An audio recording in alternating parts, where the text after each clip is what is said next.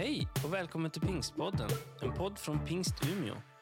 Jag hoppas den ska uppmuntra dig och leda dig vidare i din tro. För att få mer information om Pingst Umeå och allt som händer i kyrkan, gå in på umia.pingst.se eller följ oss på Instagram och Facebook, at pingstumia. Nu ska vi läsa Bibeln tillsammans. Så eh, Johanna Boman ska komma och hjälpa mig att läsa. Vi lånar en mick här.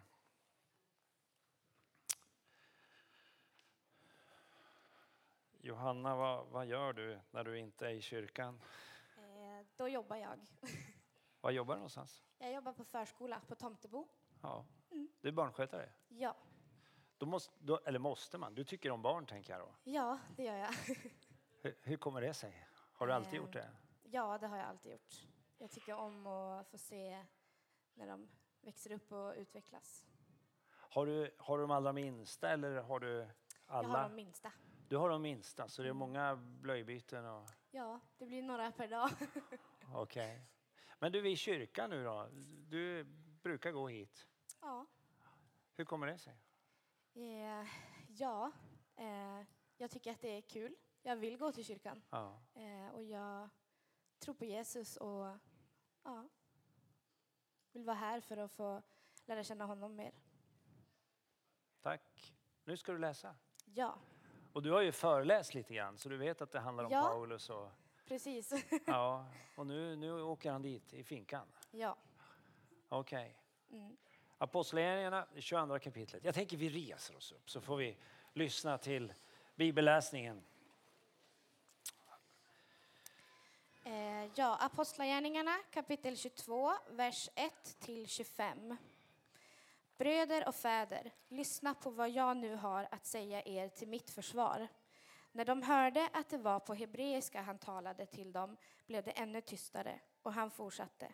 Jag är själv jude, född i Tarsos i Klikien, men uppfostrad här i staden. Hos Gamaliel har jag fått grundlig undervisning i vår fädernevärvda jag, lag. Jag har kämpat för Guds sak lika ivrigt som ni alla gör idag. Jag har varit dödsfiende till vägen och tagit fast både män och kvinnor och satt dem i fängelse.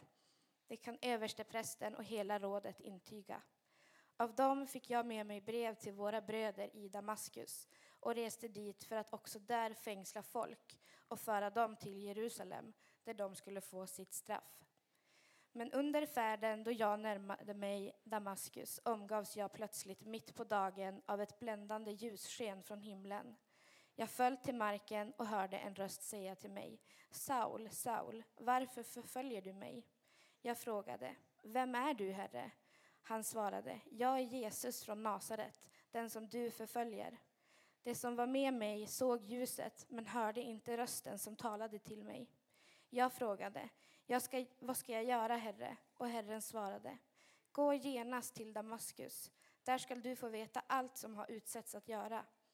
Eftersom strålglansen hade gjort mig blind fick mina följeslagare leda mig vid handen och så kom jag fram till Damaskus. Ananias, en from och lagtrogen man som hade gott namn med sig bland alla judarna i staden, kom till mig, ställde sig vid min sida och sa Saul, min broder, öppna dina ögon och se. Och strax kunde jag se honom. Han sa Våra fäders Gud har utvalt dig till att få kunskap om hans vilja, till att se den rättfärdige och till att höra hans röst. Du ska bli hans vittne och berätta för alla människorna vad du har sett och hört. Tveka inte, åkalla hans namn och låt dig genast döpas och tvättas ren från dina synder. När jag hade kommit tillbaka till Jerusalem och stod och bad i templet föll jag i hänryckning och fick se Herren som sa till mig Skynda dig och lämna genast Jerusalem. Här kommer de inte att ta emot ditt vittnesbörd om mig. Jag svarade, Herre, du vet, de vet att jag i alla synagogor, synagogor lät gripa och piska dem som trodde på dig. Och när ditt vittne Stefanos fick offra sitt blod stod jag och såg på. Och jag tyckte det som skedde var riktigt. Och jag vaktade kläderna åt dem som dödade honom. Då sa han till mig, gå, jag skall sända dig till hedningarna långt borta. Mm. Tack! Underbart. Varsågod och sitt.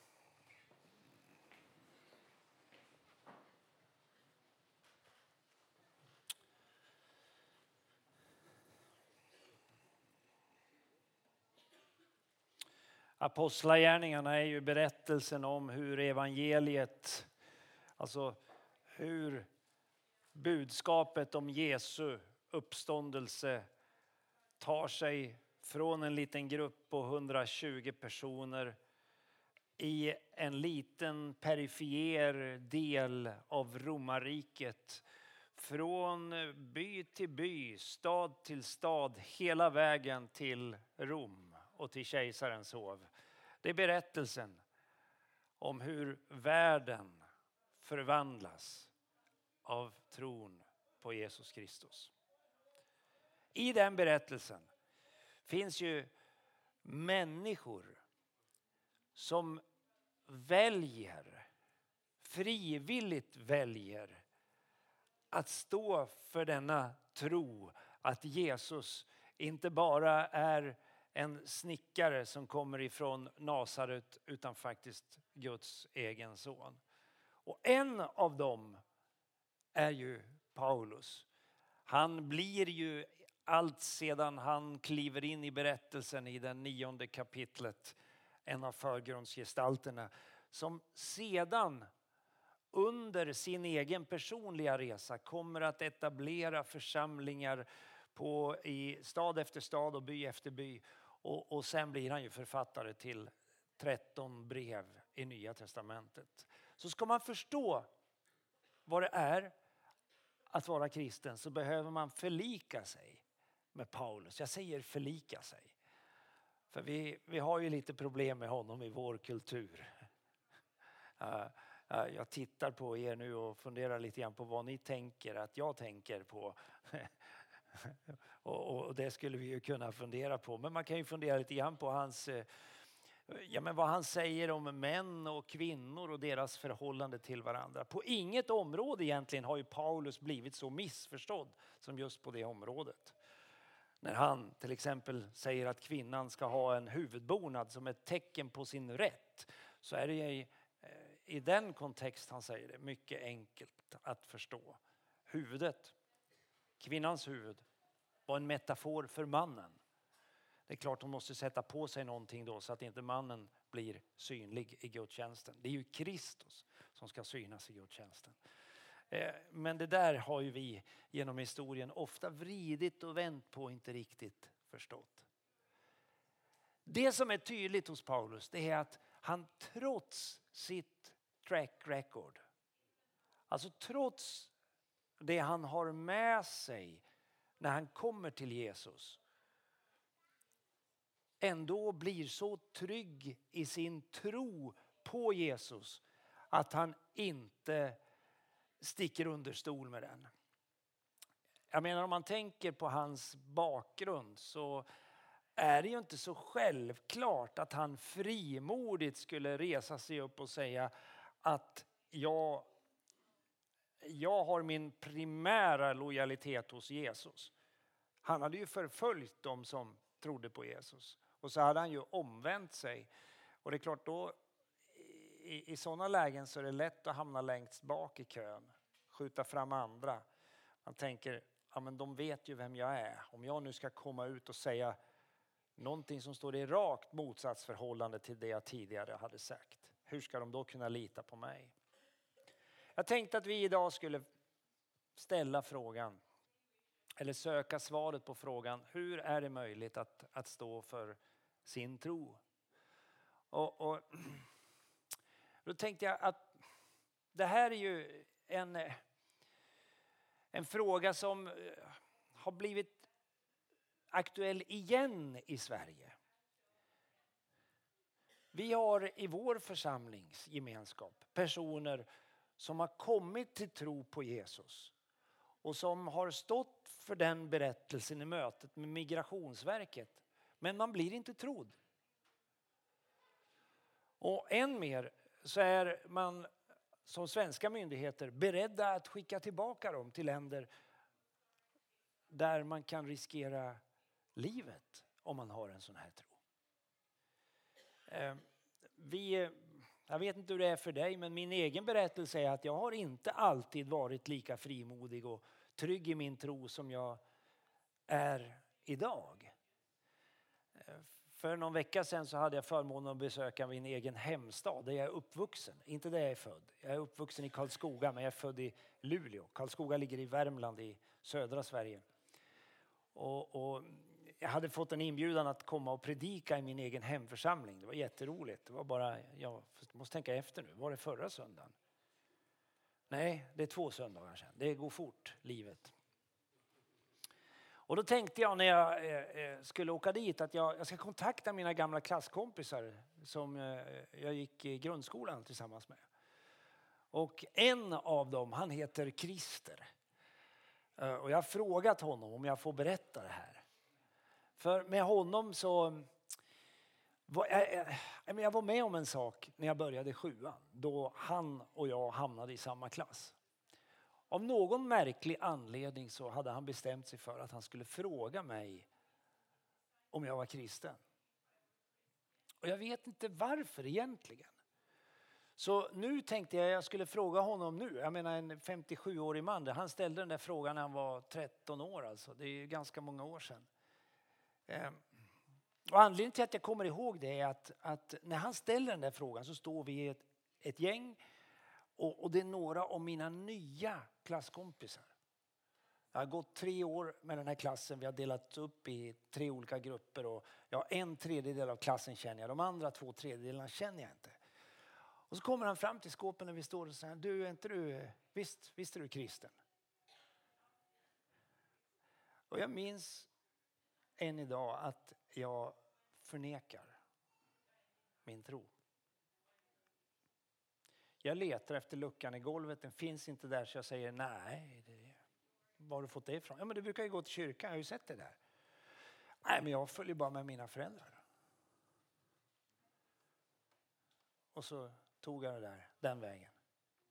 Och den där händelsen, den förföljde mig sen hela högstadiet. Och jag gick ju till kyrkan. Jag hade ju en tro. Jag förnekade det som var en del av min identitet. Och det blev ju jättejobbigt. Och det är klart om ni försöker att ta igen hur det är att vara tonåring. Eh, det är inte så lätt när åren går, liksom. man glömmer lätt. Men, men man är osäker på sig själv, det händer mycket i kroppen. Man behöver pröva eh, sina föräldrars värderingar och tro alldeles oavsett vad de har för tro. Man behöver liksom hitta någon slags linje i livet. Vart ska jag någonstans? Och om man då samtidigt under den där perioden upplever det där trycket utifrån, det är inte så lätt. Och jag tänker att om det var så för mig då är det säkert fler än jag som brottas med frågan, vågar jag berätta? Vad händer då om jag berättar, är offentlig med min tro? Kommer jag att få vara med? Kommer jag bli inbjuden i gemenskapen? Vad kommer min familj att säga om jag är öppen med min tro? Hur kommer man att ta emot det här? Det är inte alltid man är så här kaxig. Alltså man kan ju fråga vem det är som är, är bra på den här. Alltså det, ehm, det, det är ju polishundar har jag förstått och de har ju tränat sitt tålamod. Men det är klart, det är ju en frestelse för dem. Men den här katten liksom. Dut, dut, dut, dut, dut. Ja, men så det, jag är, ibland har jag gjort det där. Nu, nu, jag har ju blivit annorlunda. Jag tycker ju det är roligt att göra den där resan. Även om jag i några frågor just nu, jag duckar inte om jag skulle få dem, men jag undviker dem. Kommer ni ihåg det här? Det är 30 år sedan. En student ställer sig framför en stridsvagn. Var någonstans? Himmelska fridens torg. Peking, Kina. Och inte bara framför en, han står framför en hel kolonn. En enda och de får stanna allihopa. Ja, det är häftigt tycker jag. Så jag tänker att om, och det här kan ju vara en bra påminnelse för dig som är trygg i din tro. Om du vågar stå för den så kan andra runt omkring få ett stöd av dig. Då kan man stoppa en hel kolonn. Men ganska ofta känner man sig ju så här. Jag vet, Nej, jag vet jag, det är roligt med bilder. va. Jag är inget bra på det här. Så det här var allt vad jag klarade av. Liksom. Jag har en bild till. Eh, jag vet inte om det är någon som känner sig så där idag. Ni har ju fått en extra timma bevars. Det måste ju vara hur bra som helst. Men, men ibland känner man sig som en ynklig, ynkrygg liksom. Man är ganska liten och svag. Eh, det här beror ju på vad det är man ser när man tittar i spegeln.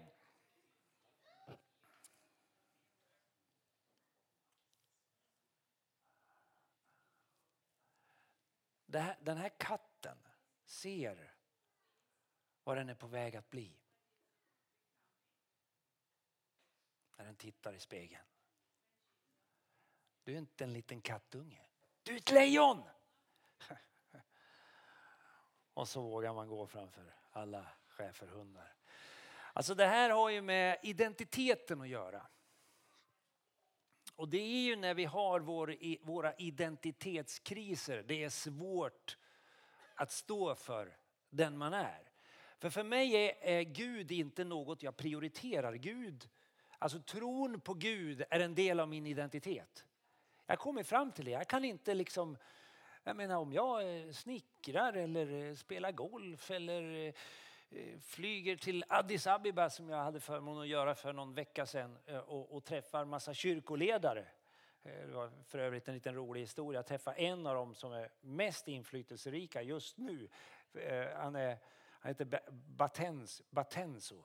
Han är pastor i Sydsudan och hjälper FN att förhandla fred där nere, där det är så kaotiskt. Så frågade jag honom, vad ska du göra till helgen då? Vi, vi skulle ta farväl. Ja. Och då säger han, ja det är mycket att göra. Jag ska ju predika och ska ta hand om mina getter. Ja, men om jag åker dit, det är klart att det är ju en del av min identitet. Jag är ju där därför att jag tror på Jesus. Jag är ju där därför att jag är bärare av en tro, ett, ett evangeliskt budskap som jag tänker kan förvandla den afrikanska kontinenten. Liksom. Och det är ju faktiskt så att det håller på att ske. Vi träffade kyrkoledare de, två, tre dagarna som vi var i Addis Abeba som leder församlingsrörelser som har över 20 miljoner medlemmar. Och de har ni pingströrelsen i Skandinavien varit med och startat. Det är helt fantastiskt. Jag träffade en av dem som besökte oss i, i somras på Lapplandsveckan. Han fick två minuter av Lapplandsveckans presidium. Det var ganska roligt. Han ledde en församling på 39 000 medlemmar i Mogara i Burundi. By the way, liksom. Alltså då är det ju inte så svårt när man träffar sådana. Då, då är man ju bland vänner. Men när man är bland personer som inte delar, som, inte, som kommer att ifrågasätta det du tror, då blir man ju ifrågasatt. Alltså när, när min tro blir ifrågasatt, då, då påverkar det till och med mig som person. Men eftersom tron har vuxit i mitt liv, jag, har, jag bottnar i min tro ibland. ibland. det är mycket där som jag inte, det finns många saker jag inte förstår. Men jag, jag, jag har mer idag att stå på. Klippan jag står på, ja, den är större. Jag upptäckte att den är större än den var när jag var 13 år. Så står jag ju stadigt. Det har också med erfarenhet att göra. Alltså, har man mött Gud?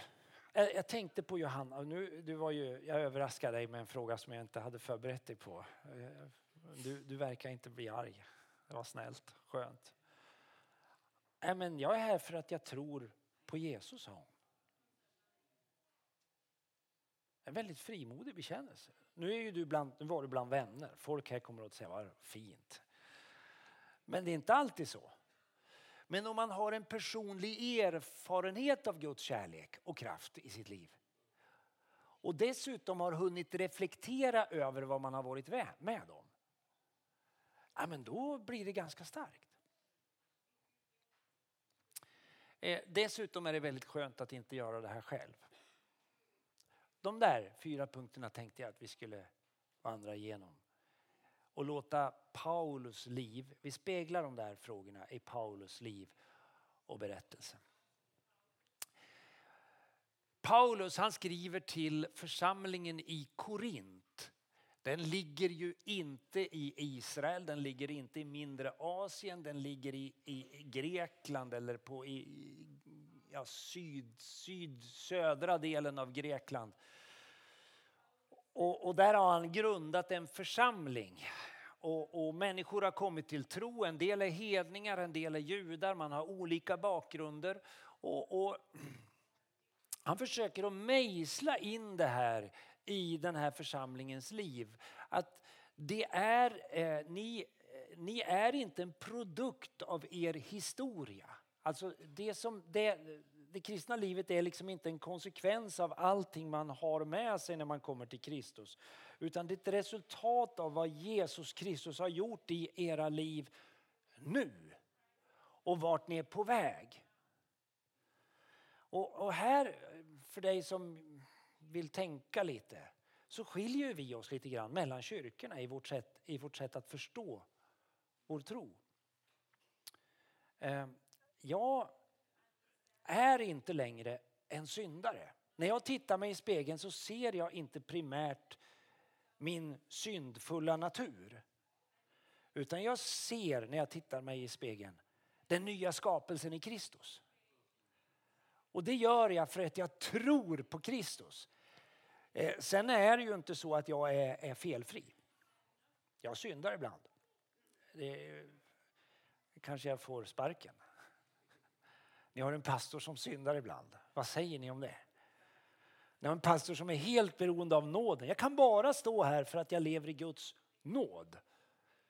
Men synden definierar inte vem jag är. Därför att det är inte mina gärningar, min förmåga att göra rätt som definierar mig. Utan det är min tro på Kristus som definierar mig.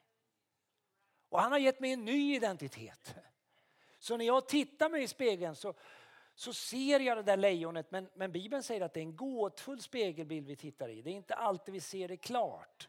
Men när Kristus kommer i framtiden, när han kommer tillbaka, då ska vi se honom ansikte mot ansikte. Och då ska det bli uppenbart vad vi är nu och vad vi kommer att bli. Så det här, här gäller det att lyfta blicken, säger Bibeln. Vi måste lyfta blicken ifrån jorden, från det jordiska. Vi måste lyfta blicken från oss själva och vi måste börja titta på Kristus. Och det är klart, Paulus, han var, det var nödvändigt för honom att göra det.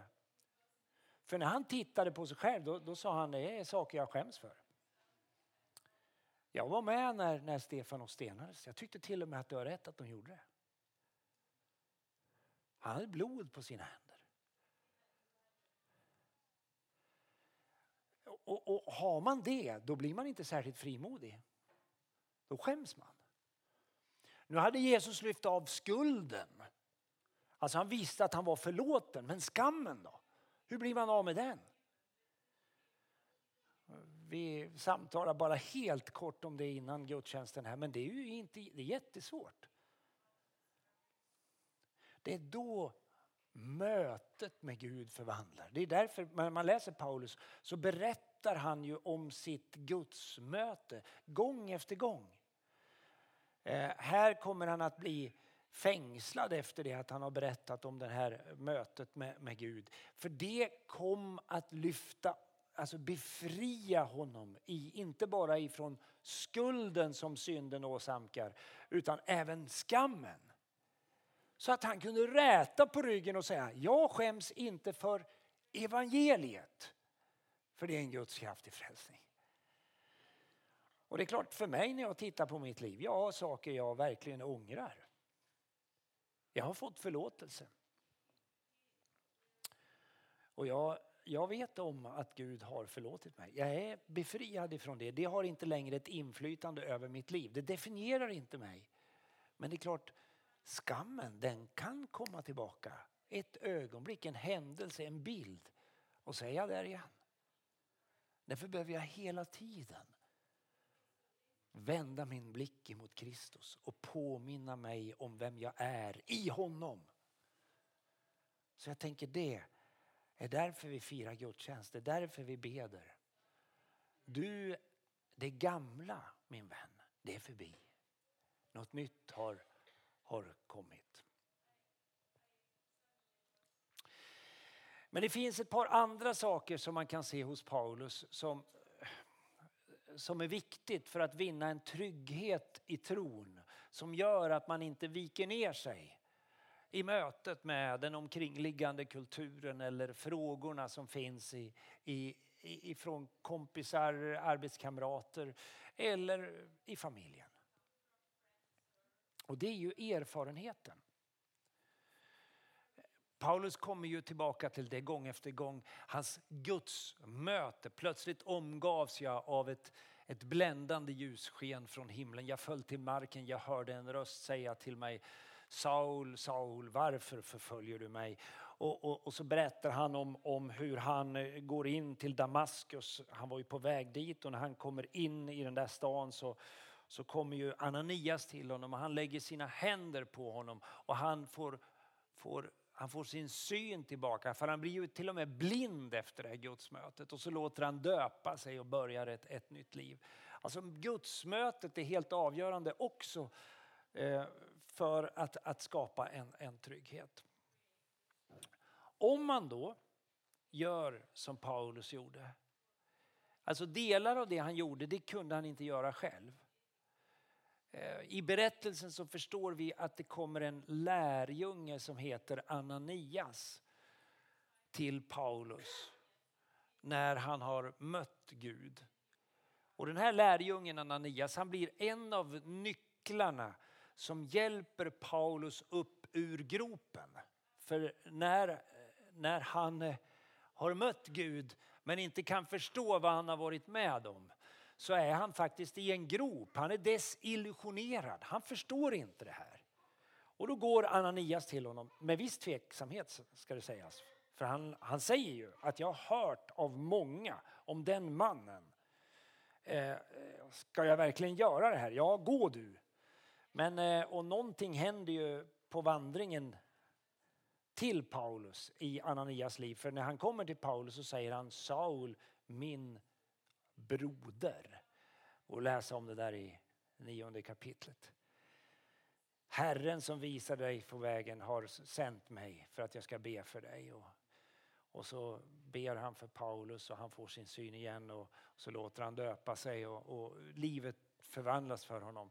Men ändå så är ju inte Paulus riktigt i mål. Då eh, har han fått liksom en första förklaring. Men, men han behöver ju tänka om och tänka nytt. Han har ju sett på världen utifrån ett judiskt perspektiv utan Kristus. Och nu ska han se på världen utifrån ett judiskt perspektiv med Kristus. Och det blir ju en helt ny världsbild för honom. Och ni kan ju tänka er i Sverige, en, en människa som kommer till tro, det är ju som att byta, alltså tänk er att se på världen utan Gud och så ska man helt plötsligt ha en teologisk världsbild. Alltså, det, det är ett helt annat sätt att se på ta, ta bara en sån grej som miljöfrågan nu. Eh, för mig, jag håller med om att det är kris. Och vi behöver ändra oss. Vi behöver ställa om och, och vi behöver ta större ansvar för vi är förvaltare av skapelsen. Men det är inte hopplöst. För skaparen har ju sagt att han ska komma tillbaka. Och jag, jag menar, vi har ju ett fantastiskt hopp. Skaparen har inte bara satt igång det och sagt att nu får ni människor ta hand om det här och så får vi se hur det går. Och det verkar ju inte alls gå bra. Jaha, det var ju synd. Nej, men vi har ju en aktiv Gud va? som dels sänder Kristus för att börja med, med eh, skapelsens krona, rädda människan. Men som lovar att i Kristus komma tillbaka en gång till. Och då handlar det inte bara om människan, då handlar det om hela kosmos. Allt det där som har kommit ur kurs. Kristus ska komma tillbaka. Och det är klart att, att eh, ska man liksom få ihop det där i mötet med eh, liksom sitt liv så behöver man ju hjälp. Paulus han fick Barnabas. En, en eh, väldigt fin man ifrån Cypern som öppnade dörren för Paulus till Petrus, Jakob och Johannes och lärjungarna som hade vandrat tillsammans med Jesus. Och så fick han gå och komma och prata med apostlarna. Ni kan ju tänka er. Och här kan vi ha lite olika roller. Jag tänker i en hemgrupp så kan det finnas några som har apostlarnas erfarenhet och så kommer det en ny. Fattar du vad viktig ni som har erfarenhet blir för de som är nya? Och tänk vad bra för dig som är ny att du kan alla frågor får ställas. Det är som på Alfa, du vet. Alla frågor får ställas och vi lär oss med ett leende. Det är liksom, och så pasta. Det är jättebra. Paulus hade Barnabas, han hade Ananias, men han hade också två grejer till om man tittar i hans liv. Vi kan titta i Galaterbrevet, ser ni i det andra kapitlet, så, så ser man att Paulus faktiskt ger sig ut i öknen som alla andra pilgrimer så bär det iväg ut i öknen. Om man tittar i det första kapitlet, så jag har skrivit det andra där, men det är det första.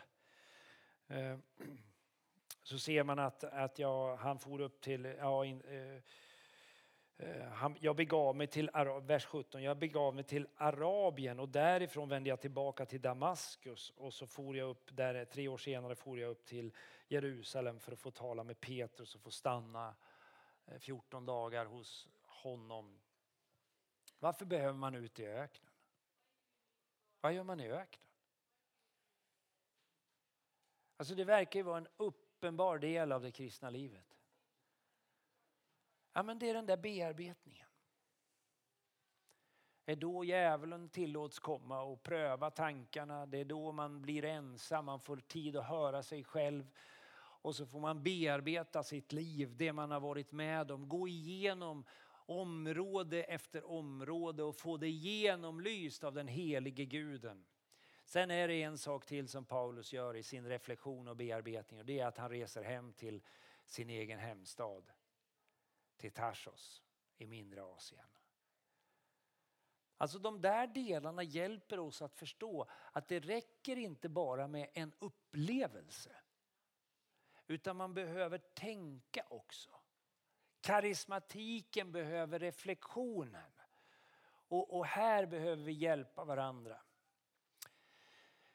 Till sist eh, skulle jag vilja säga att det är ju av en stor betydelse att ha ett sammanhang, att dela sin tro. Man behöver andra som tror. Paulus han drömde om att komma till Rom och, och ville ju tala med kejsaren om, om Jesus och, och liksom stå upp för den kristna trons hopp. Så berättas det i det sista kapitlet i Apostlagärningarna att när han närmar sig Rom, han har sådär en 5-6 mil kvar till Rom.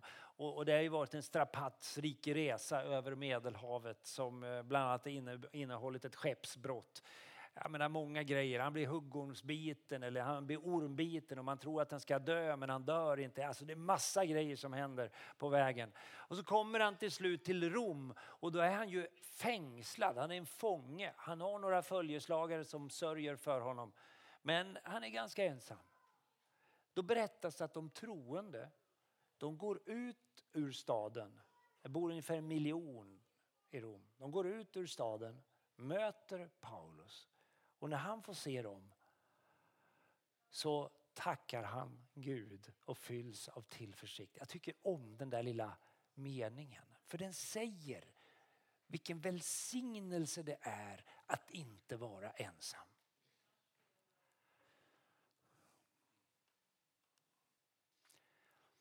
Att inte vara ensam har också betydelse när man ska eh, be för saker. Det berättas om den i den berättelsen om den lame mannen som firas ner framför Jesus. Att Jesus han ser vännernas tro. Och när han ser den lame mannens, deras vännernas tro så säger han till den förlamade, min vän, du får förlåtelse för dina synder. Därför tänker jag att det här är viktigt. Att vi samlas på söndagen, att vi firar gudstjänst, att vara med i en hemgrupp, att hitta en andlig gemenskap, att få tjäna tillsammans. Sen är det faktiskt så att den dag du får frågan som den 13-årige Ulf fick och vek ner sig. Om du står upp för din tro så är det faktiskt någon som står upp för dig. Var och en som känns vid mig inför människorna, honom ska jag kännas vid inför min fader i himlen. Så jag tänker att när du står där, kanske alldeles ensam med din tro, så har du hela himlens härlighet i ryggen. Du är inte ensam. Vi står tillsammans. Herren Jesus står tillsammans med dig. Jag tror att det var det som gjorde att Paulus tänkte, ja men jag kan stå för det här hela vägen. Om det så skulle kosta mitt liv, jag står för min tro på Jesus Kristus. Så frågan då, vad ser du när du tittar i spegeln? Ja, ser du en trött, ynklig, ynkligt människobarn? Jo, men det händer ju ibland. Va? Men ta då och lyft blicken och titta i den spegel som Jesus Kristus utgör och du kommer att se vem du egentligen är i Kristus. Den som är i Kristus är en ny skapelse. Det gamla är förbi. Om du med din mun bekänner att Jesus är Herre och ditt hjärta tror att Gud har uppväckt honom från de döda, då blir du räddad. Den som tror och blir döpt skall räddas. Men jag skäms inte för det här längre. Jag skäms inte för evangeliet. Jag gör inte det. Jag har sett det i mitt eget liv, jag har sett det så många gånger. Det är verkligen en Guds kraft som räddar var och en som ger det sin tillit, som tror. Okej, okay. nu ska vi be. Jag ska be Patrik och Aristor och Daniel, så jag har mina fusklappar. Jag gör som Jesus, jag skriver i mina händer. Jag erkänner mina brister. Vi ska be nu. Vi ska ta en stund och vi går inför Gud. Och jag, tänker, jag tänker särskilt på dig som, som är vacklande i tron. Ja, men du kan få möta Gud. Vi vill gärna be tillsammans med dig. Vi ska öppna förbönsplatserna. Vi har en förbönsplats under läktaren där du kan få personlig förbön. Här framme kan man skriva sitt bönämne om man vill eller tända ett ljus och be en bön. Men vi ber gärna tillsammans här i kyrkan och ber gärna för och med dig. Sen tänker jag egentligen också på dig som funderar, får jag vara med där? Hur mycket måste jag tro för att få säga att jag, jag är kristen? När kan jag börja säga det? Ja, men du hörde ju vad vi läste. Om du med din mun bekänner vad du tror i ditt hjärta, då är du räddad. Sen är det bra att blanda in kroppen också i tron. Man kan böja sina knän, man kan lyfta sina händer. Men det mest, den påtagligaste heliga handlingen man kan göra efter det att man har kommit till tro, det är att låta döpa sig. Och det är något så underbart att få ta med kroppen i tron. Det händer någonting fantastiskt då, både i det Gud gör, men du kommer att märka att, att Gud knyter an till den tro som du visar när du låter döpa dig. Så det, det, är, det är omvälvande, för du kan fråga några som, som har låtit döpa sig. Fantastisk erfarenhet. Så kan man få bli döpt i den heliga Ande. Liksom uppfylld av, av Gud i sitt liv. Jag vill inbjuda dig till våra förbönsplatser och kommer alldeles strax också göra en frälsningsinbjudan. Men vi sjunger tillsammans med Patrik och Aristor och Daniel. Jag tänker vi reser oss upp och så gör vi det enkelt för den som vill söka sig till.